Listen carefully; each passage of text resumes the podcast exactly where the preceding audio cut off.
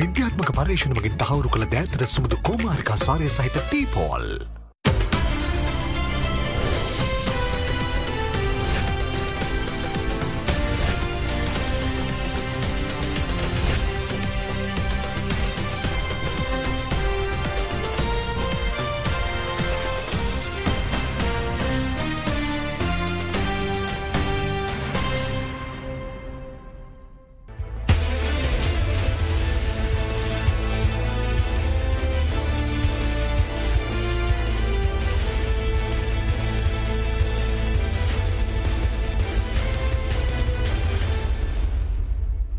Ivan සුබූදෑසනක් අදත් සුපුරුදු වේලාවට බික්‍ෆෝකස් සංවාධය සමගින් ඔබ එක්වන්නේ. ශ්‍රී ලංකාවේ පමණක් නෙමෙයි ලෝකයේ ඕනෑම සමාජයක නීති වෘතිකයන්ට ඉතාම ගෞරවනීය ස්ථානයක් කිමිවෙනවා ඒ සමාජයේ. එයට හේතුව බවට පත්වෙලා තිබෙන්නේ. සමාජයක යුක්තිය රැකගැනීමේ ක්‍රියාවලියට ඔවුන්ට මැදිහත්වීමට තියෙන හැකියාව එය හා වඩත් සාධහරණ සමාජයක් නිර්මාණය කර ගැනීමේදී ඔවුන්ගේ භූමිකාව පිළිබඳව තියෙන ගෞරවය තමයි සමාජයෙන් ඒ විදියට පිළිබිබු වෙන්නේ. ශ්‍රී ලංකාව පිළිබඳව කතාබහ කළත් අතීතයේ සිටම බොහෝ අවස්සාවන් වල රටේ යුක්තිය සම්බන්ධයෙන් අපි අවධානයමු කරද්දි නීති වෘතිකයන් පෙරට ඇවිල්ලා බොහෝ අවස්සාවන් වල ඒ යුක්තිය රැක ගැනීමේ සටනට උරදීපු අවස්සා ගණනාවක් අපිට සාකච්ඡා කරන්නට හැකියාව තිබෙනවා.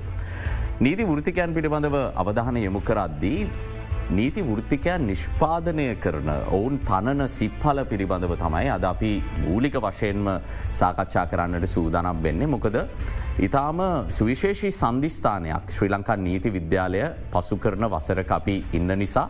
වසර එකසිය පණහක අභිමානවත් ඉතිහාසයක් තියෙන ශ්‍රී ලංකා නීති විද්‍යාලයේ ඉතිහාසය පිළිබඳව ඒවගේම එහි වර්තමාන අභියෝග පිළිබඳව ඒවාගේම අනාගත සැලසුම් පිළිබඳව අපිට අද සාකච්ඡා කරන්නට හැකියාව තිබෙන. අපිට අවස්සාව ලැබුණාද බික් ෆෝකස් සංවාධයට කැඳවාගන්නට ශ්‍රී ලංකා නීති විද්‍යාල විදුහල්පති නීතිීඥ ආචාරය අතුළ පතිනායක මහත්මය අයිවාන් කිය ඔබතුම පිළිගන්න. ඒවගේම ශ්‍රී ලංකා නීති විද්‍යාලයේ ජේෂ්ඨ කතිකාචාරය නීතිීඥ පූර්ණිමා රණවක මහත්මයවත් අයිවාන් කියල අපි සංවාධයට පිළිගන්න. ඒවගේම ජනාධිපති නීතිීඥ හර්ෂ කබ්්‍රාල් මහත්මයවත් අයිවාන් කියලා බික් ෆෝකස් සංවාධයට පිළිගන්නවා. ම මුලින්ම කැමති ජේෂ්ඨ කතිකාචාරය නීතිංජ පූර්ණිමා රණවක මහත්මයට යොමු වෙන්න.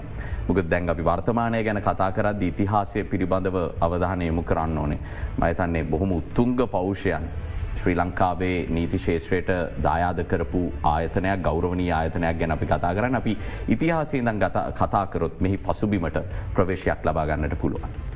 ඔව කලනු ශ්‍රී ලංකා නීති විද්‍යාලය බිහිවෙන්නේ එක්දා සටසිය හැත්ත හතර අවුරුද්දේ. මේ අවුරුද්ධ දෙදස් විසි හතරට අපි එකසිය පණහක සංවත්සරය අපිකසිය පනස්සට සංවත්සරය සමයි සමරන්නේ. නීති විද්‍යාලය බිහිවෙන්න කලින් ලංකාව නීති අධ්‍යාපනයක් තිබුණා නමුත්තේ නීති අධ්‍යාපනය එතරම් විදිමත් අධ්‍යාපනයක් නෙමේ යම් කිසි අවිධිමත් අධ්‍යාපනයක් තිබුණේ. යම් කිසි ආකාරයකට විදිමත් භාවයක් පටන් ගත්තේ බ්‍රතාානය පාල සමයෙක්ද සටසී තිස්තුනේ අධිකරන ප්‍රතිසංස් කරනත් එක්ක යම් කිසි විදිමත් භාවයක් නීති අධ්‍යාපනයට ලැබෙනවා ඒ තමයි දක්ෂතාවය තියෙන කැපවීම තියෙන සමාජ මට්ටම ආදි දේවල් බලලා ආදුනික නීතිඥවරෙක් වශයෙන් ජේෂ නීතිඥයක් යටතේ යම්කිසි කාලයක් ගත කරට පස්සේ ශ්‍රේෂ්ඨාධිකරණය විසින් ඔවු නීතිඥයන් වශයෙන් බදවා ගැනීමක් කරනවා මේ නීති විද්‍යාල බිහිවෙන් ඉස්සල්ල. නමුත් මේ ක්‍රමේ පවතින යම්යම් අඩුපාඩු මගහරව ගන්නට එක්දා සටසේ හැත්ත තුනේදී නීති අධ්‍යාපන සභාව පිහිටවනවා. ඒ අටතේ තමයි එක්දා සරසේ හැත්ත හතරේ නීති විද්‍යාලය බිහිවෙන්නේ. නීති විද්‍යාලය බිහි වෙනකොට ඒක අපි විවිධ සන්ධස්ථාන තියෙනවා. නීති ශිෂ්‍ය සංගමය බිහි වෙන එක්දා සරසි අනු හතරේදී එක්දා සරසි අනු හතේදී නීති විද්‍යාලයට පුස්තකාල පහසුකම් ලැබෙනවා. ඒවගේම අලුත් කඩට යන හැමෝම දැකල ඇති ලස්සන සුදු පාට ගොඩ නැගිල්ල දැන් දවල මන්දිරේ වගේ ලස්සන තියෙන ගොඩ නැගිල්ල නීති විද්‍යාලයට ලැබෙන්නේ එක්දා සමසය එකො ලැහෙදී. එතකොට මේ වගේ ඉතිහාසයක් තියෙන නීති විද්‍යාලය නීති විද්‍යාලයේ මූලික ක්‍රියාකාරිත්වය ගැන කතා කළොත් එහෙම නීති විද්‍යාලය තමයි ශ්‍රී ලංකාවේ නීති වෘතියට පිවිසීම සඳහා පිවිසුම් දවාරය අපි ගේට් වේක කියන්නේ. කියන්නේ ඔබ රජය විශ්වවිද්‍යාලයකින් හෝ එහෙම නැත්තම් පිළිගත්ත පෞද්ගලික විශ්වවිද්‍යාලයකින් නීතිවේදී උපාදිය ලබාගත් පමණින් ඔබට ලංකාවේ නීතිඥවරේ හැටියට කටයුතු කරන්නට බැහැ. ඒ සඳහා නීති විද්‍යාලයට ඇතුළත් වෙලා ඒ විභාග සමත් වෙලා මුෘතිම සුදුකමක් ලබා ගැනීමට අවශ්‍යවේ. ඒ අනුව සියලුම දෙනාට ඒ ద్వාරය හරහා තමයි එන්නට හැකියාව තිබෙන්නේ. නැත්නම් එල්ල්බි උපාදයක් තිබූ පමණින් ශ්‍රී ලංකාව තුළ. ලංකාව පෙනී සිටීමට හැකියාවක්න අනිවාරයෙන්ම ඒ ප්‍රායෝගික පුහුණුවත් සමත් වෙලා ශ්‍රේෂ්ඨාධිකරණය තුළින් ශ්‍රේෂාධිකර නීතික්නයක් හැත් විදිහයට දියුරුමක් ලබා ගැනීම අවශ්‍යයි. හොඳයි. විදුහලපතිතුමාට යොමුවෙන්න්නට කලින් මම කැමති ජනාධපති නීතිඥ හර්ෂ කබ්්‍රාල් මහත්මයට යොමුවෙන්න මොකද මේ වන විට පවතින අවස්සාවන් සහ අභියෝගයන් පිළිබඳව අවධානය යොමු කළ යුතුයි අපි. විශේෂෙන්ම මේ වන විට වාර්ෂිකව බොහෝ දෙනෙක් රජයේ විශ්වවිද්‍යාල සහ පෞද්ගලික විශ්වවිද්‍යාල තුළින් නීති විද්‍යාලයේ ප්‍රවේශය ලබාගෙන ඉන් අනතුරුව නීතිඥවරෙක් විදිර ශේෂාධික නිදිරේ දියුරුම් දෙන්නට බලාපොරොත්තුවෙන් කටයුතු කරනවා. තු නීති අධ්‍යාපනය මේ වන විට මුහුණ දෙන ප්‍රධානතම අභියෝග මොනාද කියලා මං ඔබෙන් විමසුවත් ඔබ කොමද පිළිතුර දෙන චනාධ නීතිතුම. ඇත්තටම නීති වෘතිය කියන්නේ මේ අපි විශ්වවිද්‍යාලකින් ගන්න දැනීමක් නෙමෙයි. මේක වෘත්තිමය වශයෙන් කරන දැනීමක්. දැ ඒකට ලංකාවේ අපි දන්නවා දැන් නීති ප්‍රවේශයට එන්න එල්ල්බි කරන්න පුළුවන් කොළඹ විශ්වවිද්‍යාලයෙන් යාපනය විශ්වවිද්‍යාලයෙන් පෙරදිනය විශ්වවිද්‍යාලයෙන් ඕපන් නිනෝසිටියකෙන් ඊට අමතරව පිටරටින් ගන්න ඩික්‍රිතිීනවා. අපි දන්නවා විටට බොහෝමයක් විශ්වවිද්‍යාලවලින් එල්ල්බි ලබාගන්න ළමයි ගොඩක්කින්නවා දැන් ඇත්තටම ඒ තත්ත්වය වැඩි වෙන. අපි දන්නවා විශ්ව ලංකා විශ්වවිද්‍යාල ඇතුළතිගෙන කොටසට වඩා කොටසක් එනවා පිටට විශ්වවිද්‍යාලලින් එල්ල්බි කරලා. ඒ තියන්නේ හුගක් එකොලන්ට විශ්වවිද්‍යාලට ඇතුල්වීමට නොහැකි වුණාම එක එක්කෝ පිටට ගිල්ල හෝ නැත්තගේ නැත්ත ලංකා විතිනා ඇතනවලට ගිල්ලා එල්ල්B උපාදිය ලබනෝ. දැන් ඒ අයට උපාදිය විතරක් ලබලා නීතිඥවරයෙක් වෙන්න බෑ. නීතිඥ වෘත්තට ඇතුල්වීමට ප්‍රධාන දේවල් තියන දැක තමයි දැ අපි මෙඩිකල් ගත්තොත් මෙඩිකල් කවන්සිල් කියල ගත්තිනවා. වෛද්‍ය සභාව තැන් යුනිසිටියකෙන් කියල මෙඩිකල් ෆැකල්ටි හිල්ලම් පමණක් එන්න බෑ.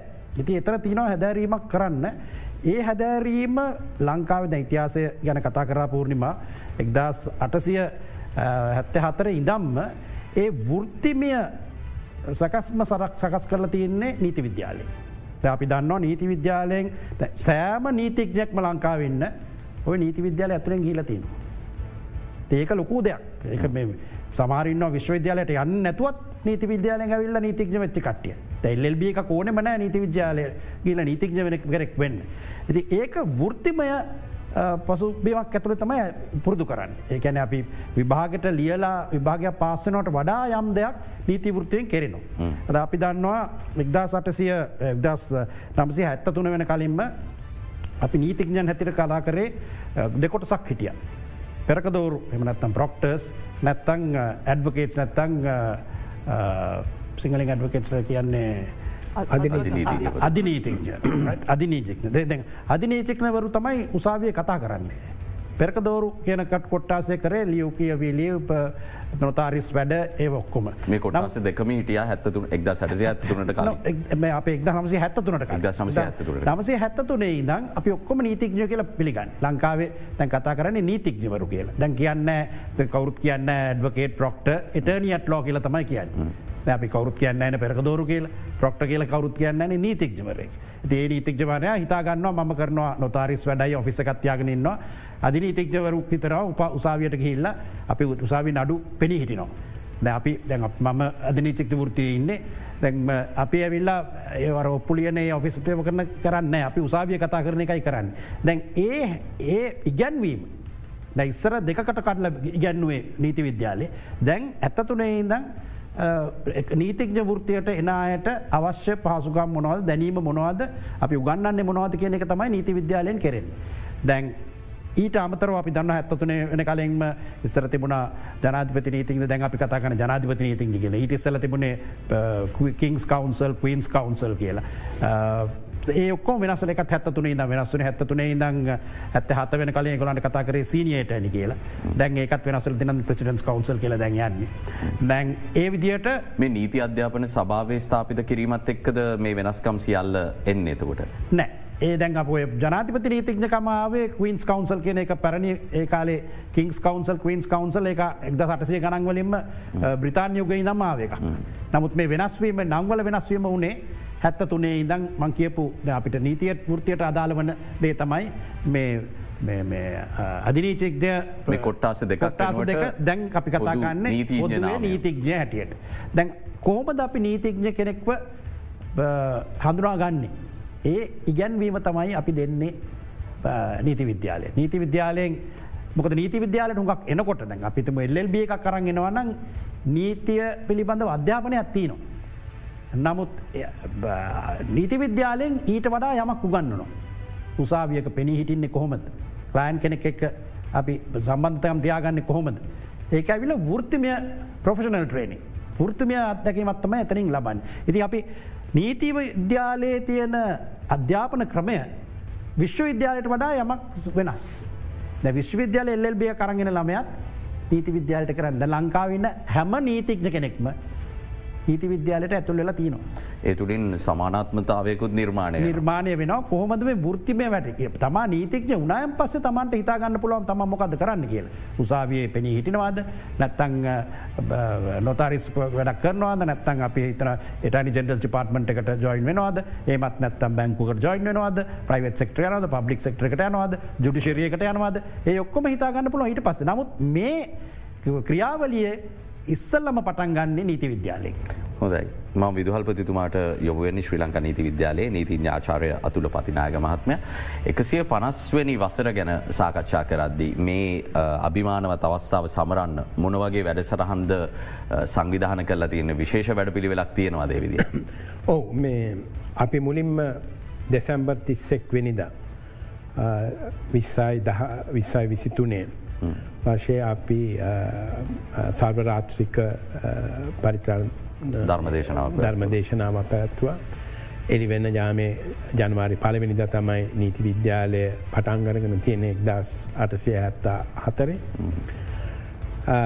ඊට පස්සේ දානමය පින්කමක් පැවැත්තුවා. ඊට පස්සේ ගිය මේ මාසෙම අටවෙනිද අපි වැඩ සටහනක් පැවැත්තුවා කවි මඩුවක්. ඒක බොහොම සාර්ථක විදියට පැවැත්තුවා. ඊට අමත්තරව මාර්තු පලවෙනිද අපි බලාපොරොත්තු වෙනවා මුල්දින කවරයක් නිකුත් කරන්න මුද්දරයක් සමඟ ඒක මාර්තු පලවෙනිද සිද්ධ වෙනවා. ඊට අමතරව බැක්ටු ලෝ කොලෙජ් කියන එක අපි සියල්ලම්ම නීති විද්‍යාලයෙන් බිහිවෙච්ච අපේ සියල්ලන් මෙක්කාසු වෙලා ඒක මැයි මාසය පවත්වන්න නැවත සියලු දෙන එක සුහද හමුවක්. ඊට පස්සේ විශේෂයෙන්ම සිද්ධ වෙන කාරණයක් තමයි ඉන්දියාවේ අග්‍රවිනිශ්කාරතුමා මෙහි පැමිණෙනවා ලෝ ඔරේෂණයකට පලවෙනි වතාවට නීති විද්‍යාලය පවත්වන්නේ එක ඒක ඉතාමත්ම සුවිශේෂ කාරණයක් විදියට මම් දකිනවා. ඒ වගේම අපි රිසර්ච් සිම්ෆෝසියම කත්තියන පලවෙනි වතාවට නීති විද්‍යාලය මගින් ඒක නොවම්බර් මාසය පවත්වන්න uh, අදහස් කරනවා. ඊට අමතරව uh, වෙසක් දිනවල් වල පොසුන් දිනවල් වල අවුරුද්දු ඒ වගේම ක්‍රිස්තු භක්තිකයන්ගේ ඒ වැදගත් දිනවල් වල කොමත් වාර්ෂිකව වැනි උත්සව මුළු අවුද්ධ පුරා තියනවා නීති විද්‍යාලය කටයුතු කරන්න අපි බලාපොරොත්තු වෙන. විදුවල්පත්තුමන ඒවගේම වසර එකසේ පණහක් සපිරෙද්දී මේ අධ්‍යාපනය ලබාදීමේදී එහි ප්‍රමිතිය නංවා ගැනීම සඳහා. මොනවගේ වැඩ පිළිවෙලක් සම්බන්ධෙන්ද සාකච්ඡාවතිය. මයින දීර්ඝ වශයෙන් පූර්ණිමය ගැන සඳහන් කරයි දැන් කාලාන්තරයක් තිසෙමං හිතන්න ඒ අපේ කැරිකියවලම් එක නැත්තම් විෂය පතය වෙනස්වීමත් දකින්න ලැබුණැයි කියලා. හැබැයි ඒ අපි වෙනස් කරන්න බලාපොරොත්තුනවා විස්සයි විසි පහය සිට ඒක වැදගත්ම සිද්ධියක්. ඒ කියන්නේ දැනට තියෙන ක්‍රමයානුව අවුරුද්ධක් පුරාම එක විෂයක් උගන්නනවා. අපි ඊට පස්සේ සත්ති දාසයකට පමණක් සීම කල්ලාර සෙමිස්ට ක්‍රමයට.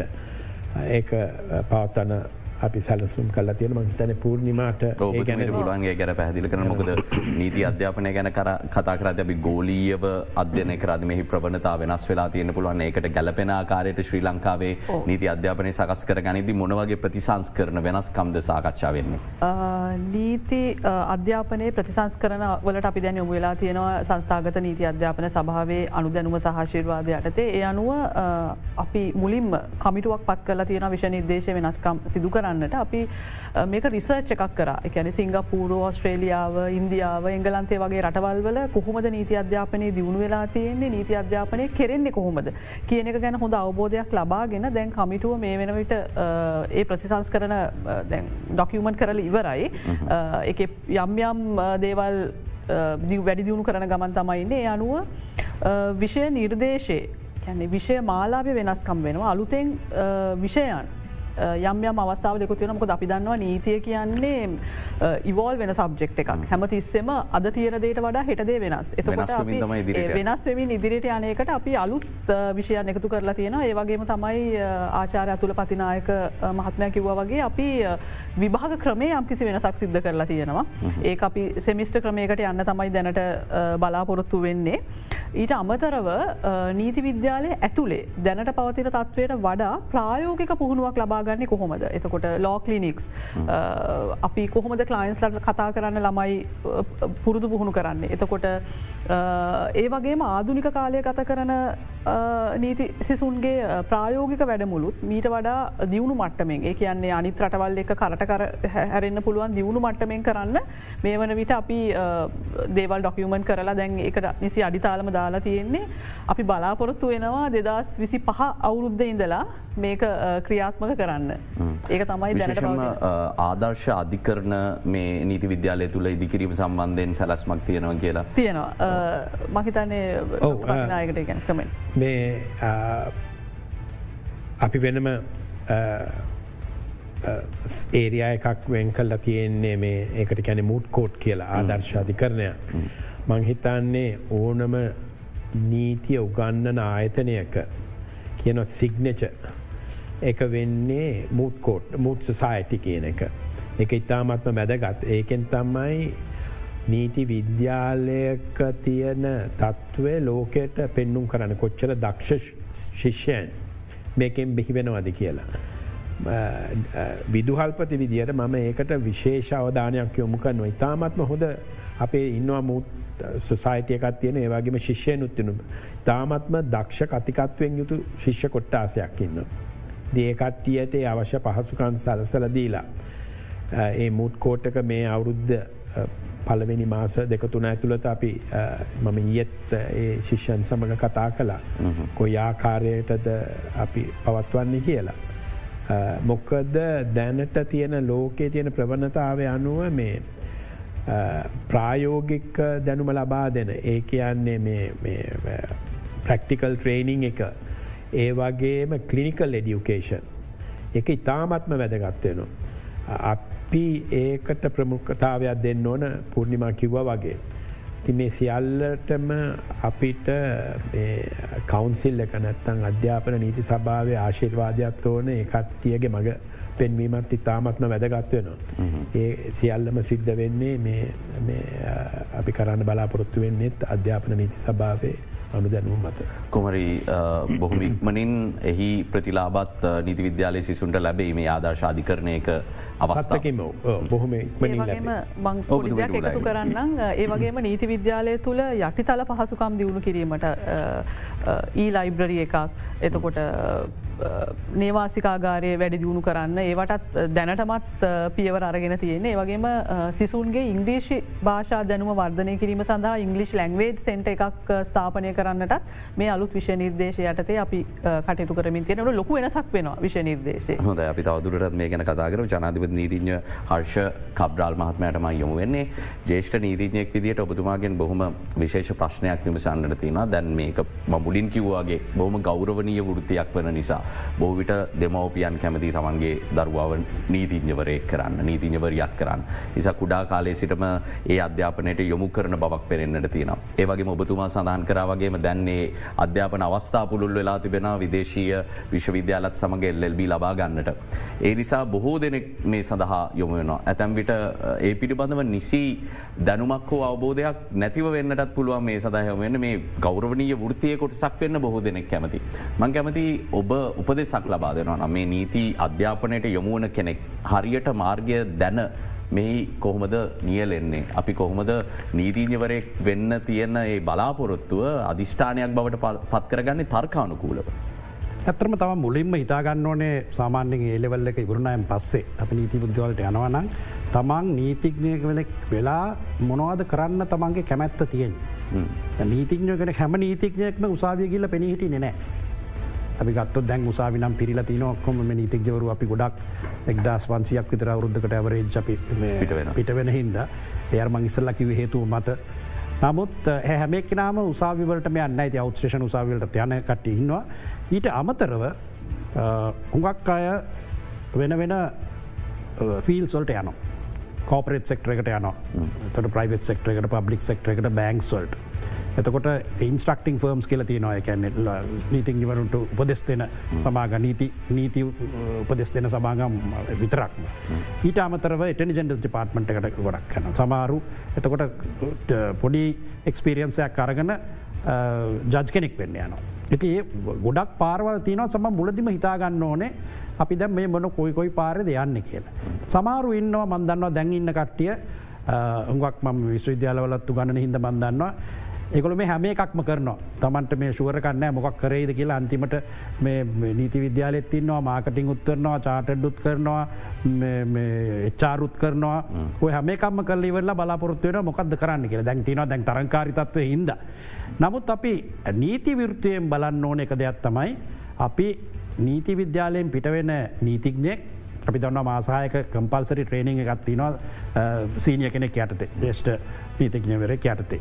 ඒකෙන් ඉගෙන ගන්නෙත් තම එතනදිත් හිතාගන්න ඕනේ ම මොනවත්ම ප්‍රක්ටිස් කරන්න යනවනම් මම ඒවිදිිය කෙනෙක්කාව යට වැඩ කරන්න ඕනේ. මම උපදෙස් දෙන සමාගමක යනන එතන ගිල්ල ඉගෙන ගන්න ඕන. එම නැත්තන් ඇපරටිස් ිප් එකක් ඒටන ජෙනල්ස් ඩිපාර්ට්මට එක කරන්න ඕන. සො නැත්තන් තමන්ට වැඩ කරන්න පුලා වෙන කෝපරේට් ෆිල්ඩ එකට යන්න ඕන්නම් ඒවත් තමන් හිතා ගන්න ඕන්. ඒ ඒ විදිිය අදහසක් ඇතුව එන්න ඕන්. ගත නිකන් නීතික්ජවලෙක් වෙලා ඊට පස ඉතන් අරකයි ම මොකද කරන්නේ. බංකොයාට දෙයන්නේ කාගාවට දෙයන්න මොකද දැන් හුඟක් ළමයින්ට තින ප්‍රශ්නයක් තමයි ජේෂ්ඨ නීතිකනිවරුන්ගේ චේම්බ සොක්කොම් පිරිලා. හැම ඒකම ඉන්නවා සෑන ළමයි කොට්ටොට් ඇස. ඉතින් අර නීති විද්‍යාලයෙන් එන්න දැනුම හුඟක් බලපානො. මොක දනිත්තක අපි මේ නීති වෘතිය දකින තව ලොකු ප්‍රශ්නයක් තමයි තම නීතිඥවන කුණෑම් පස්සේ අපිත් මවරුද්දයක් කරි පනහක් කරි හැටක් කරි ප්‍රක්ටිස් කරනවා නම් ඒ දැනුම එතනමයි. වෙන වෙන වෙන වෙන වෘතිීවල තියෙනවා අපිතුම ගණකාධිකාරගේ චාටඩ් CPD කියල ප්‍රෝග්‍රම් එක කටිනිවස් ප්‍රක්ටිකල් ඩෙවලප්මට. ඒක නෑ අපේ අපේ වෘති අපි ඕක විටිසලත් සඳහන් කර. දැන් නීතික්ජවන කුණායම් පස්සේ තමන්ට ලයිසන් එක තියන මැරණ කලින්. ඒක රිනිියව් කරගන්නත් නෑ. ඉතින් අපි අති අද දකින ලොකු ප්‍රශ්නයක් තමයි. ගොඩක් ලොක් විශාල සංඛ්‍යාවක් අපි දන්න නීතික් ජරුර ඇතිල තින මේ ඇති තම් ජූනිය බා කියන අපි කල්පනා කරන්නේ සිය අවුරුදු දහයට අඩු කට්ටිය ප්‍රක්ටිස් අඩු කට්ටිය. ඒගොලන්ගේ තින ලොකුම ප්‍රශ්නයක් තමයි අපි දන්නවා ගොඩාක් වෙනස්වීම් වෙනවා. අලුත් නීති සෑහෙන් ඇතුළෙන මේ මෑතක ඉද අපි අවුරුද්ධ එකක් බැලුවොත් එහෙම ඇවිල්ල තිනා බොහෝම කාලීන වෙනස්වීම් පිතනවාද අපි දන්න ඉලෙක්ට්‍රොනික් ට්‍රන්සක්ෂන් ක්ට එතකට ඩියට පොටෙක්ෂන් නැක්ටෙක් කම්පියට ක්‍රයිම්ස් ඉන්ටනෙට රිලේට ක් කුඩා කලුත්තේ ඇවිල තිනද හැමකම්ම ඩිජිටල් එන්වාර්මට එකත් එක්ක ඒවිදිිය වෙනස්කං දැන් ලෝයස්ට දහ දෙනෙක්ගෙන් හැවොත් මයිතන දෙන්නෙක්වත් ඔය ඇක්ට එකක් දැකලවත්තිනවත් කියලවත්ති නොද කියලා. මොකද ඒක අපි උගන්නලත් නෑ ඒගොලො දැනගන අලුත් ස්ටටියුටස් ගැන අලුත් නීති පද්ධතින් ගැන අපි නීති විද්‍යාලයේ ඉගෙන ගනත් නෑ. ඒකයි මේ විදවල්පත්තුමා කිවේ එක ලොකු චලෙන්ජ එකක් එගලන්ට මේ කරිකුලම්ම එක වෙනස් කරන එක. ඉස්සරහට යන්න කොහොමද. දැ ඉස්සරහට බන්දන්න හුඟක් උසාවියන්න මන අප නීතිජවරුන්ගේ මේ ලොකු මේකත්තම ඇම කරම උසාවියන්න ඕන මිනිස්සු අද උසාවියන්න ඉස්සරහට මහිතන්න මිනිස් උසාවියයි කියලා. ඒකන්ද එතකොට නීතික්වරකට තියන්නේ මොකද උසාවියන්න ඇත්තන් අපිට තින බේරුම් කරන තින. alternate dispute resolution mechanisms වගේ ඇත්තින. ආබිට්‍රේෂන්, මීඩියේෂන්, කොන්සිලියේෂන්, negotiation ඒ ඔක්කොටම අපි ඉගෙන ඉන්න ඕන නීතිජමනයක් වස පලවනි සරම කියන්න අපි ගැලි උසාවියන් කිය උසාවිගෝ අපි දන්න අවුරදු පහත් දහය පහලුවක් සමහරලාට උසාවේ ශ්‍රෂ්ඨාධිකරණයට යන කලින්ම කාලය ගත කරන්න පුළුවන්. ඒ ඉගැන්වීම අපි අලුත් නීතිඥවරෙකුට දෙන්න ඕනේ. ඒ පසුතලය අපි හදන්න ඕනේ නීති විද්‍යාලය නීති විද්‍යාලය අපි දැ හැමෙක් නම දැන් නිවරච්චිකමන් එල්ල් බීවරච්චිකමන් එටනි සිවරච්චිකම එල්ලම් කරනවා. එකරන්නම් වාල කරලා වැඩන්නෑ. ති අපි දැනුමක් හරියටම දෙන්න ඕනේ හරිමට නීතිවෘතය තියෙන අවස්ථාවන් මොනවද ඔබ ඒව කොමද උපයෝගී ඕමද කරගන්නේ? උපයෝගි කරගන්න අනිත්තක ප්‍රක්ටිකල් වෙන්න ඕන් අපි දැන් ඉස්රාට දැන් මේ යන විදිහට අපි දන්නවා මිනිස්සුට එච්චර විශ්වාසයක් නෑ. මේ උසාවි කියල කොච්චර කාලයක් අපි අලංකා විතරන්න මේ ඉන්දියාවත්වය ප්‍රශ්න තියනවා. ලෝස් ඩිලේස් කියන එක. සෑහෙන ප්‍රශ්නයක්. සෝ හුගක් වෙලාවට අපි දන්නවා මේ හුගක් පසුබට වෙනවා උසාවි යන්න. ති උසාවි යන්නතු කොහොමද අපි ඉවරෙන් දැ මට දවල්ට තින සෙමිනයකක් මේ බේරුම් කරන ගැන. ගිල්ල අපිට මේ විශ්වාස කරලා කියන්න මේ ගුලන්ට මේක තමයි ඉස්සරහට එන විදි. දැන් දියුණු ලෝකවල එහෙමයි කරන්න. ඒ නීතික්ෂර දෙපත්තේ දෙන්න එකතු වෙලා ප්‍රශ්නය මොකක්ද කියලා ඒගුල විසඳ ගන්න උසාවියන්නේ නැතුව. ඒ ඒ තත්ව අපි තවම ලංකාව ඇතිවෙලා නෑ එක සිංගපූර්ය බොහොම සාර්ථකව කරගෙන යනවා. ද ඒවා අපි නීතික වෘතියකට ඇතුල් වෙන කෙනට උගන්නල තියෙන්න්නට මේ නීතික්ෂ කෙනෙක් කියන්නේ උසාවියනයක විතර නෙමයි කියනෙක්. හොදයි අපි තවදුරටත් මේ ගැන කතා කරම ඔබට බොහෝ දැනුම ලබාගත හැකි සාකච්ඡාවක අපි අද යදිලායින්න කෙටි විරාමයක් ලබා දෙන්න ඉක්මනින්ම යළිත් හම.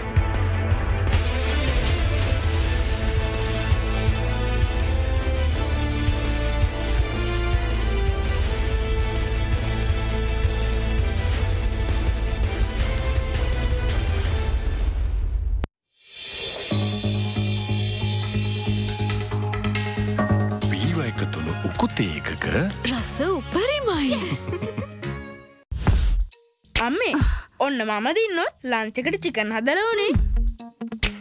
අයියෝ. දැම්පුතා මම හදන කෑම එක කන්නෝනේ බෝංචි නෝ කිව්බෙක් අපි දෙන්නම දෙනු. සෑම නෝකිව් එකක්ම හොඳම තත්වේ රියල්චිකන් සමඟ ස්වාභාවික කුළුබඩු මුසුව ඇති නිසා සෑම එලවලෝකටම සුවිශේෂී රසයක්. හරිම රසයි. රීමච් මම දින්නොත් මට හෙටත් බෝංචියෝනේ නෝකිව්ස් එලවලු අතරින් මැවෙන චිකන් රස. වසර ගණනක ඩැමේජ් වූ හිසකෙස් පළමු සේදුමෙන්ම සුමුදු කරයි. Dove intense repair. තාත්ත ඉක්මනට විනාඩි විස්සන් අම්ම ගෙදර ඔවුනේ ගේනවා. තාත්ත බලාගෙන ඕක අම්මගේ ෆේවරේට් මැන්දුම කරන දෙයක් විනාඩි විස්සිං නව සෆෙක්සල් මැටික් ලික්විට් විනාඩි විස්සෙන් පැල්ලම් යවන ඉන්ස්ටාස්ටෙන් ලිප් තාක්ෂණයෙන් සමන්විතයි සාමාන්‍ය සේදුම් දියර වගේ නෙවෙයි පැල්ලම් යවන්න විනාඩි විස්සයි. ලෝකයේ සෑම කොනකම සිදුවමින් පවතින සියලුදේ අනාගතය තීරණය කරමින් පවතිනවා. ගෝලිය සිදුවීම් පිළිබඳව උනන්දුවන ඔබට භූදේශපාලනික වාතාවරණය පිළිබඳව ගෙනන විශ්ලේෂනාත්මක විග්‍රහය. The World Explained. Global Angle with Kalindu Karunaratne. Weekdays at 2.30 p.m. Live and exclusive on Adaderna 24.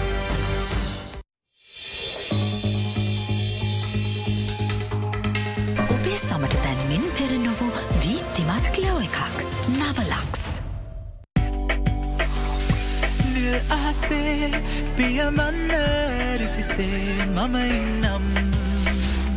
ඔබ සමගේ ලස්සන ඔබ ජීවිතේ විඳින්න නොනැවති ලෝකෙම හැටියට හිතේ.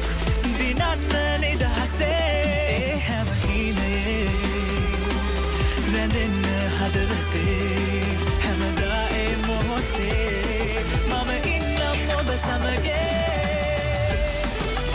ශ්‍රී ලාංකිකයන් සියට අනු පහකට වඩා ආවරණය කරන ශක්තිමත් ෆෝජී ජාලය සමගින් හච් ඔබවා අස්සීමිත අවස්ථා පිරිලෝකට පිළිගනි හච් හැමදේකට ඔප්ෂන් නැත්තියෙන. Sri Lanka's best on at Hyde Park with Indivari Amuata. Every Thursday at 7 p.m. exclusively on Adaderna 24.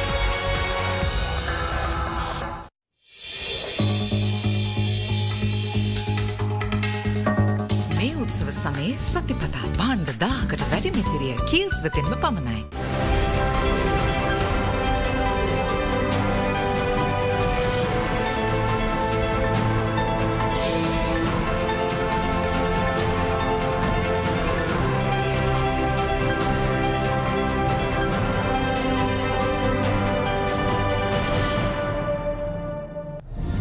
ඉවත්වන කුණු යළි රෙදි පිළිමත තැන්පත්වීම වලක්වන anti රීඩ position පොලිම තාක්ෂණයෙන්. Bubble wash powder. ශ්‍රී ලාංකිකයන් සියට අනු පහකට වඩා ආවරණය කරන ශක්තිමත් ෆෝජී ජාලය සමගින් හච් ඔබවා අස්සීමිත අවස්ථා පිරිලෝකට පිළිගනි හච් හැමදේකට ඔප්ෂන් නැත්තිනවා. විද්‍යාත්මක පර්ේෂණමගින් තහවුරු කළ දෑතර සුමුදු කෝමාරිකා සාරය සහිත ටීපෝල්.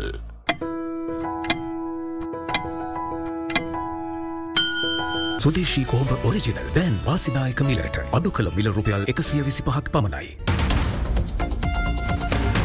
රෝහල් ලෙඩ කළ වර්ජන වේදිකාවට ආ ජනපති සටන දූෂණයට විරුද්ධ සියලු දෙනාට එකතු වෙන්න අවශ්‍ය සන්ධානයේ පළවෙනි රැස්වීම පැවත්වෙනවා. අපි කොතනොත්තිට ගන්න අපි හිටගන අපේත අයිතාම කේන්දරේ බැලුවේ මම දරන් කරන්න තිරදේවා. කිබුඩෙක් දරුවෙකු ඩැහැගනී. පුදුමහත්තයා පීනන්ඩ කිව්ව එච්චර එකකොට පාට්ටම වලිගේ ඇවිල්ල ගැව්වා මෙතන. අවි අතට ගත් චිත්‍රශීපියා. ෂෙල් මග වෙනස් කරයි. වැරදුනේ කොතනද.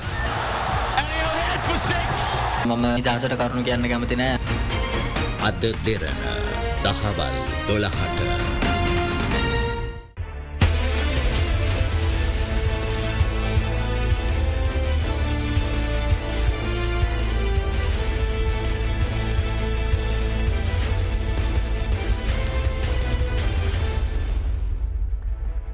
යළිත් බික් ෆෝකස් සමගින් ඔබ එක්වන්නේ ආචාරය අතුල පතිනාග මහත්මට ම විරාමය අනතුර යොමු වෙන්න විරාමට කලින් ජනාධිපති නීතිජතුමා කියපු දෙයට ඔබට යමක් එකතු කරන්න තියෙනවා. කියන්න තියෙන්නේ දැන් අපේ ආණ්ඩු ක්‍රම ව්‍යස්ථාව ගත්තොත්. ඒක කීප තැනකම නීතිඥ වෘත්තිය ගැන සඳහන් වෙනවා. ඒ එහෙම සඳහන් කල්ලා තියෙන්නේ නීති වෘත්තියට තියෙන වැදගත්කම හින්දන් කියල මම අනිවාර්යම හිතනවා. මම හිතන්නේ ශිෂ්‍යයෙක් නීති විද්‍යාලයට හෝ නීති වෘත්තියට එන්න අදහස් කරන්නවන. ඒ තැනැත්ත මුලින්ම හිතන්න ඕන මම මේ නීති වෘත්තියේ මේ ක්‍රියාකාරීව යෙද වෙනවයි කියලා. නැත්තන් කිසිම ප්‍රයෝජනයක් නැහැ. මොකද දැන් නීතිඥයෙක් වුණාට පස්සේ. ප්‍රයිවට් බායකට ගියෝ. කෙනෙක්ව මර්ණීය චෝදනාවට යටත් වෙලා ඉන්නෙක් කෙනෙක් නම්. ඒ පුද්ගලයට දියවුරුම් ගත්තට පස්සෙන්දම ඒ පුද්ගලයා වෙනුවෙන් පෙනී සිටීමට හැකියාව තියන. ඉති ඉතාමත්ම වගකීමක්. ඒ වගේම නීති ප්‍රති දෙපාර්තුමේන්තුවට බැඳුනන. ද මම නීතිපති දෙපාර්ත්මේන්තුව එක කාලයක් වැඩ කල්ලා තියෙනවා. එතකොට මර්ණීය දණ්ඩනයට චෝදනා ලබන මරණ දනුවමට මිනිමැරමකට චෝදනා ලබන ඉන්න කෙනෙකුට මර්ණීය දණ්ඩනය වෙනුවෙන් මේ පෙනී සිටීමට ඒ අධිනීතිඥවරයට නීතිපති දෙපාතුමෙන්තුවේ පුද්ගලයට හැකිවෙනවා. ඒ කියන්නේ නීති වෘත්තියට ඇතුළත් වෙච්චාහම වෙච්ච ගමම්ම ඒ පුද්ගලට පැවරණ වගකීම ඉතාමත්ම වැඩි. ඉතින් මං කියන්නේ නීති වෘත්තියට මේ ගෞරුවනීය නීති වෘත්තියට එළඹෙනවනං කවරුහරි. ඒකට ඒ කැපවීම තියෙන්න්න ඕන. අවංකවම ඒ නීතිපෘත්තිය හරියට කරගෙන යන්න නැතුව මේකාර මේ විලාසිතාවක් මේ සටිෆිකේට් එකක් ගන්න තැනක් විදිහට සැලකීම ඉතාමත්ම වැරදි. මතන් වෘතියටත් කරන අසාධාරණ අසාධාරණය. ඒවගේම මීලාගට නීතිජ පූර්ණිමාරණමක මහත්මීරම යළිත් යොමු වෙන්නේ. අපි දල වශයෙන් දත්ත එක කතාකරොත් වාර්ෂිකව කොපමන පිරිසක් නීති විද්‍යාලයෙන් ශේෂ්ාධික නිදිරේ නීතිනිවරුන් විදියට දියවරුම් දෙනවද දල වශයෙන්. දල වශයෙන් නීති සිසුන් එක්දස් පන්සියක් පමණ වාර්ෂික. ඒ අනුව ඒ ප්‍රජය විශ්වවිද්‍යාල පෞද්ගලික විශ්වවිද්‍යාල සහ නීති විද්‍යාලය ගනම ලැබ සියලුම. ඒ වගේම තවත් අවබෝධයක් ලබාද යුතුයි. දැන් එල්ල්B උපාදයක් ලබා ගැනීමකින් තොරව නීති විද්‍යාලයට කෙලින්ම ඇතුළත්වීම සඳහ තියෙන ප්‍රවේශ විභාගය පිළිබඳ යම් කිසි ආකාරයක දැනුවත් කිරීමක් කරන මං කැමතිමක සමාජය ගොඩක් උනන්දුවේ ගැන. නීති ප්‍රවේශ විභාගය වසරකට වරක් පවත්වන විභාගයක්. මේ සඳහා විශේෂ බුද්ධි පරීක්ෂණයක් භාෂා ප්‍රශ්න සම්බන්ධ ප්‍රශ්නපත්‍රයක් ඒ වගේම සාමාන්‍ය දැනීම සම්බන්ධ ප්‍රශ්නපත්‍රයක් පශ්පත්ත තුරක් තියෙනවා. මේ ප්‍රශ්නපත්‍ර තුනට මුහුණ දීලා නීති ප්‍රවේශ විභාග සමත්වන්න පුළුව නමුත් මේක ඉතාම තරගකාරී විභාගයක්. මොකද සාමාන්‍යෙන් නීති විද්‍යාලයක වසරකට ඇතුළත් කරගන්නේ දරුවන් දෙසීයක් දෙසී විසි පහක් අතර ප්‍රමාණයක්. නමුත් දෙදහසකටත් වඩා ඇතුම් කරනවා. දෙදහසක් නෙේ ම හිතන්නේ සමහර අවස්ථාවල පන්දා අයදක් විතර අයදුම් කරපු අවස්ථාත් තියෙනවා. ඉති මේ ඉතාම තරගකාරී විභාගයක්. මේ විභාගයට මූුණ දීලා නීති ප්‍රවේශ විභාගයට මුණ දීලා නීති විද්‍යාලයට ඇතුල්වෙන්න පුළුවන්. ඊට අමතරව මම කලින් කිව්වා වගේ රජයේ විශ්වවිද්‍යාලයකින් එල්බි උපාදයක් තියෙනවනම් නීති විද්‍යාලට ඇතුල්වෙන්න පුළුවන් ඇතුල් වෙලා මුළු අවුරුදු තුනම කරන්න අවශ්‍ය නැහැ. අවසන් වසර විභාගය සහ ඔවුන්ගේ විෂය නිර්දේශය අනුව තව යම් යම් විෂයන් අඩංගු වෙලා නැත්තන් අපි ඒවත් කරන්න කියලා කියනවා. කරලා ප්‍රායෝගික පුහුණුවෙන් පස නීතික්ෂවරය කැටට දිවරුම් දෙන්න පුළුවන්. නමුත් පෞද්ගලික විශ්වවිද්‍යාලයකින් නීතිවේදී උපාදයක් ලබාගත්ත දරුවකින්න වනං විශේෂ දැන් අපි මේ අවුරදිදල විශේෂ තරඟ විභාගයක්ේ සඳහා පවත්වනවා.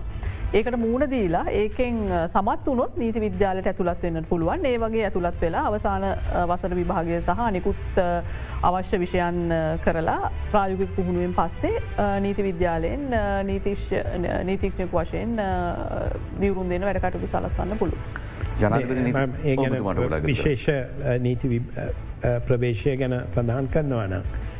ඒක ඇතුළත්වීමට හේතුව දෙදස් දාහතේ වර්ෂයේදී බාසෝසේෂන් එක. නීතිජ සංගම නීතිජ සංගමය ප්‍රමුඛව කමිටුවක් පිහිටලව. දීර්ඝ සාකච්ඡාවකින් පසු අවුරදු ගානත් තිස්සේ නීති ශිෂ්‍යයන් ඒ වගේම නීතිඥයෙන් විනිශ්ෂකාර්තුමන්ලා ඒ වගේම අනිත් නීති විශාරදීන් සෑහෙන කොටසක් එක්කහු වෙලා හැදවා මේ ඩොකියමන්ට් එකක් Future of Legal Education.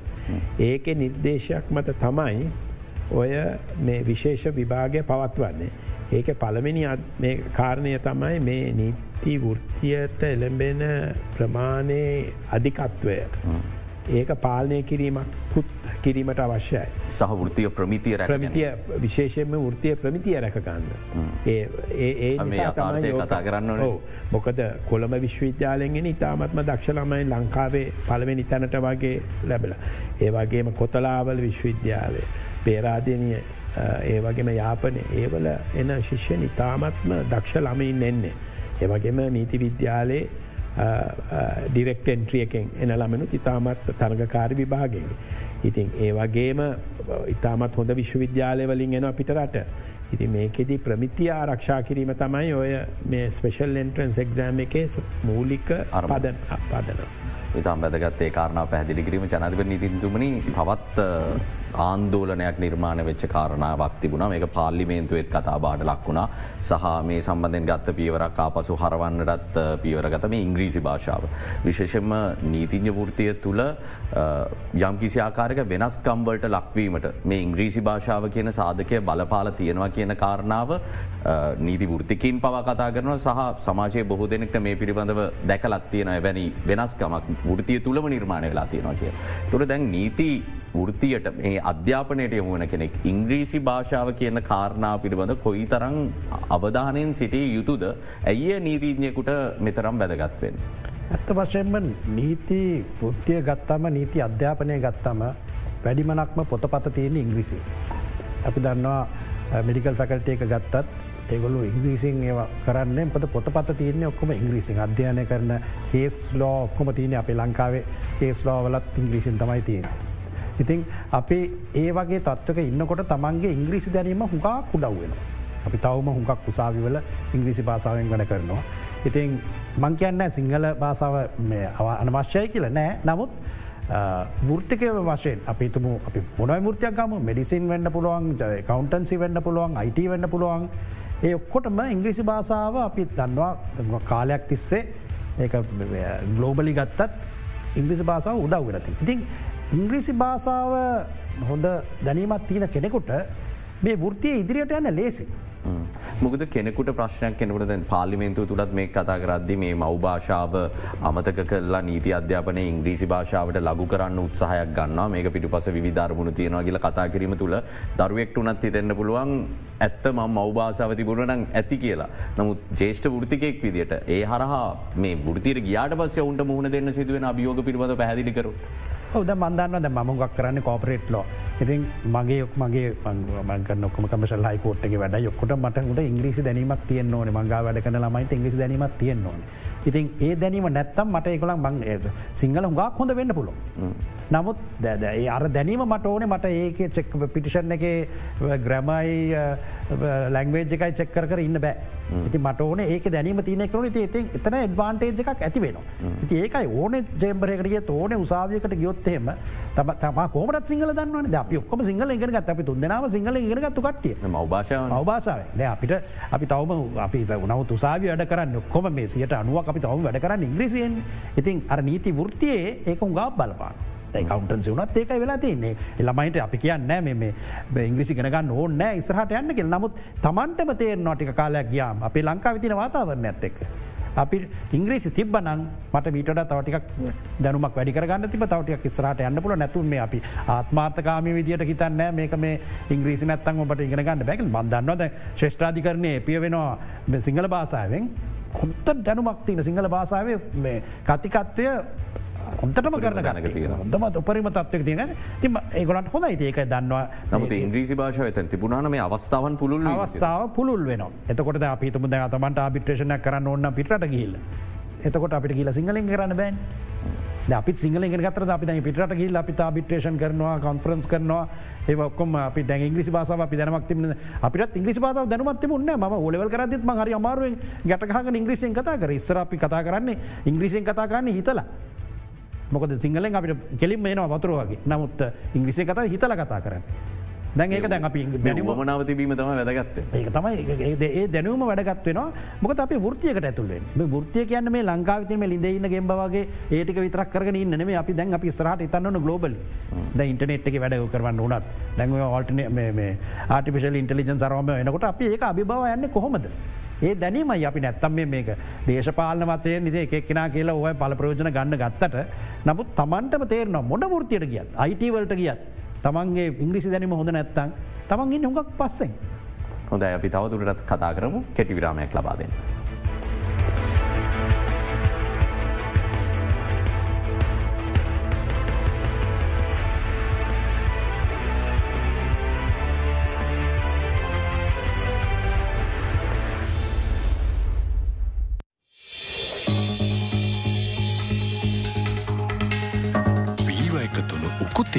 රස උපරිමයි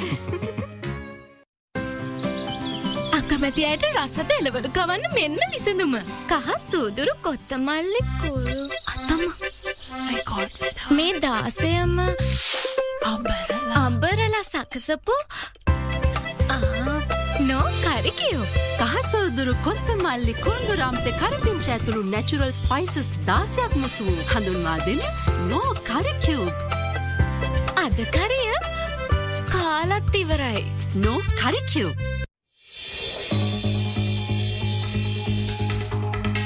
වසර ගණනක ඩැමේජ් වූහිසකෙස් පළමු සේදුමෙන්ම සුමුදු කරයි. Dove intense රිපෑ. රේට අඩුවන වෙලා අතේ ඇති ගානට හිතේ ඇතිවානය ගන්න ඔබත් ළඟම එල්බි ෆිනන්ස්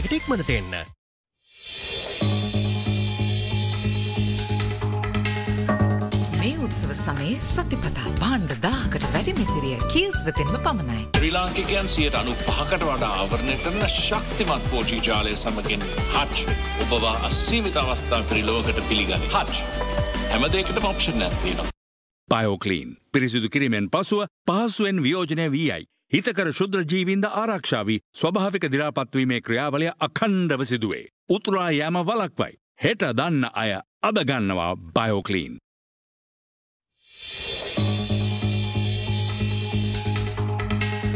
සමට තැන්මින් පෙර නොවූ දීප්තිමත් කලෝ එකක් නවලක්ස්.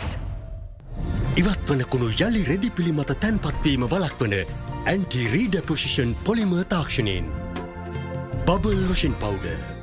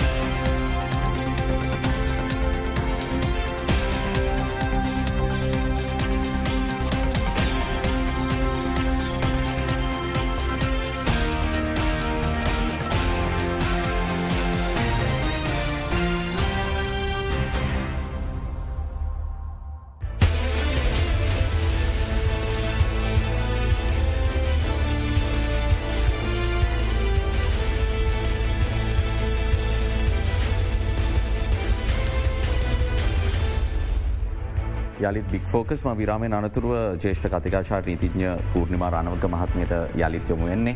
ඔබතුමියගේ අත්දැකීමුත් කතාකරොත් අපි මේ කලින් කතාකරපු කාරණාවට මාදාලව ඉංග්‍රීසි භාෂාව කොයි තරම් වැදගත්ද කියන කාරණාව. ඉංග්‍රීසි භාෂාවේ වැදගත්කම දැන් අපි නීති සිසුන්ට දේශනයක් කරන වෙලාවට උනත් ඕනම වෙලාවක යම්කිසි නීති සංකල්පයක් විස්තර කරහම එහම නැත්තන් ඒගොල පස්සේ පොතපත පරිහරණය කරනකොට ගොඩාක් පොත්පත්තියන්නේ ඉංග්‍රිසි භාෂාවෙන්.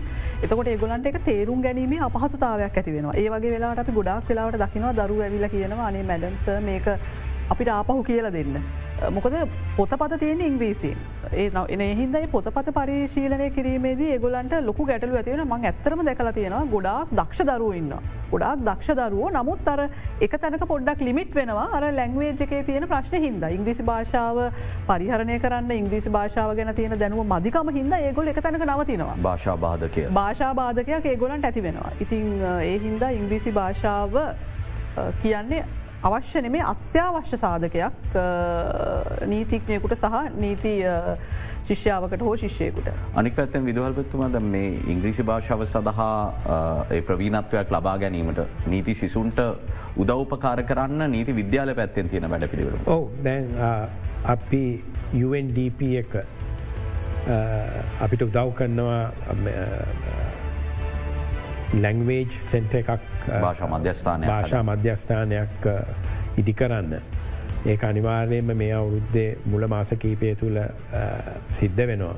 අපි මේ අවස්ථාවේ ඉන්නේ මේ සුදුසු අය බඳවා ගැනීම පාටමාලාව සකස් කිරීමට සුදුසු අයව සොයමින් සිටින්නේ. අනිවාර්යෙන් මේක කෙරෙනවා ඒකෙන් ලොක්කු උදව්වක් මේ ළමයින්ට ලැබෙනවයි කියල ම හිතනවා. එක විය යුතුයි අනිවාර්යම එක තාමත්ම මිය යුතුයි අධ්‍යාපන නීති සභාවත් ඒක සෑහන සම්පූර්ණයම අවබෝධ කරගෙන තමයි අපිට මේ කටයුත්ත කරන්න කියලා පෙන්නුම් කළේ. හොදයි ජනාධිප නීතිජතුමනි අවසාන වශයෙන් ඕනෑම වෘතියක ගෞරවනීයත්වය රැඳෙන්න එහි ප්‍රමිතිය රැක ගැනීම ඉතාම වැදගත්. අපි මේ කාලවේලාවත් එක් කතා කරපු කරුණු තිබුණත් කතා නොකරපු කරුණුත් ගොඩක් තියෙන නිසා නීතිංජ ෘතිය තුළත් මේ ප්‍රමිතිය රැක ගැනීම කියන අභියෝගයට වෘතිය මුහුණදීලා ඉන්න අවස්ථාවක්. ඔබ ඒ සම්බන්ධයෙන් මොනවගේ ස්ථාවරයක්ත දරන්න? මොනවගේ පියවර අනුගමනය කරන්න පුළුවන්. හොම වැදගත් ප්‍රශ්නයක්. අපි දන්නවා නීතිඥ ෘත්තයට ඇතුල්ලාම තමයි ඉස්සලම කතාම හිතේ තියාගන්න ඕනේ විනිය ගැන්. ඩිසිපලින් කෙනෙ අපි දන්න අපි ජාතියක් වශයෙන්. ලංකාවේ විනය බොහොම පහත් තැනක තියෙන් ති මම හුගක් ඔය ජූනිය ලෝස්ට කියන එකත් තමයි ඒ ඩිසිපලින් කියන එක. විනය. තමන්ට ඒ විනය කියන මොකක්ද කියලහොක් සමාරු අහනවා. තමන්ට විනය තියෙන් ඕනේ තමන් කරන තම හැසිරෙන හැටි. නීතිය තමන් දැනගන්න නීතිය දැනීමට වඩා තමන්ගේ හැසිරීම. තම අඳින හැටි. තමන් සමාජයේ ජීවත්වෙන හැටි. තමා උසාවයේ පෙනී හිටින හැටි. අපි උසාවිය කතා කරන්න ඇති දම්ගක් ම දකින දෙයක් උසාවිවල උසාවියට ආමන්ත්‍රණය කරන්නවත් මේ අලුත් ළමයි සමහරු දන්න. පව්තියගොල ඉගෙනගන නෑ. සමාරු ඇවිල කියනවා මේ එයා එයා මම දවසම ළමයකුව පුතා එහෙමන්ත කියන්න එයා කියලා කියන්න අපි මයිලෝඩ් යස් මයිලෝඩ් ඒවගේ වචන මේ ආමන්ත්‍රණය කරන්න. අපි අපර පැත්මත්ති නොතිව කවරු උගන්නන්න මහිතන සම්ප්‍රදායක් සම්ප්‍රදායත්ති යා කියලා කියන්න මේ දවසක් ස්ත්‍රික් උසාවියක ලමෙක් කිවලු අවුලක් නෑ ස්වාමිනි කියල. හිතියා දන්න එවිදි වචන අපි පාවිච්චි කරන්න උසාවියක කිය. ඉතින් ඒ ආමන්ත්‍රණය කන හැටි. තම කකුලක් උඩදාගෙන එතන ඉඳගෙන ඉන්න අපි කතා කර ඉන්න උසාවියේ ජජ් විනිසරුවරයෙක් ඉන්නකොට. ඒ එතකොට ඇඳ ඇඳ පැළදර ඇද තමන් හුතර තමන්ගේ කොන්ඩ පීරල්ල තමන් දැන් අපි නිකා රැවල් ෝගන ඉස්සර සුප්‍රීම් කොට්ක ජස් අඩගල කියන චේම්බරකට යිලම හම්බෙන පුතා.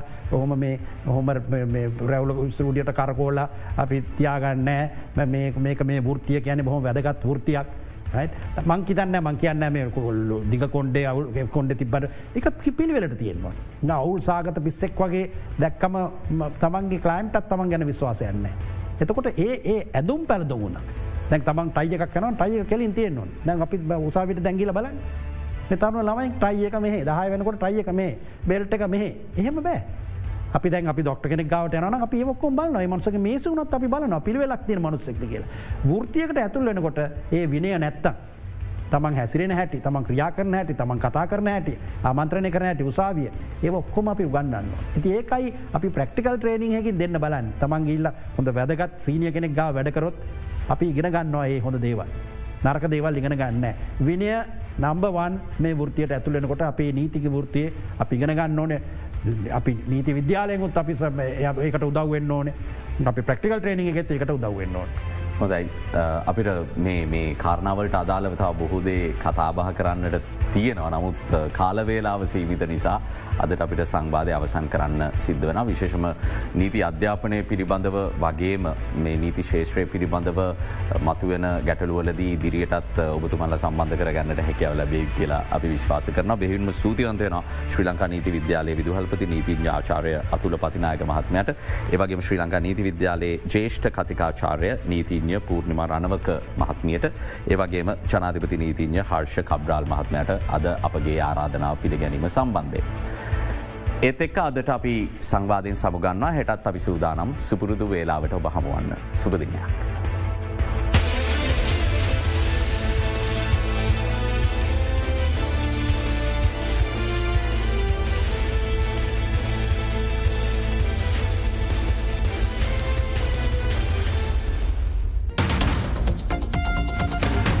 රෝහල්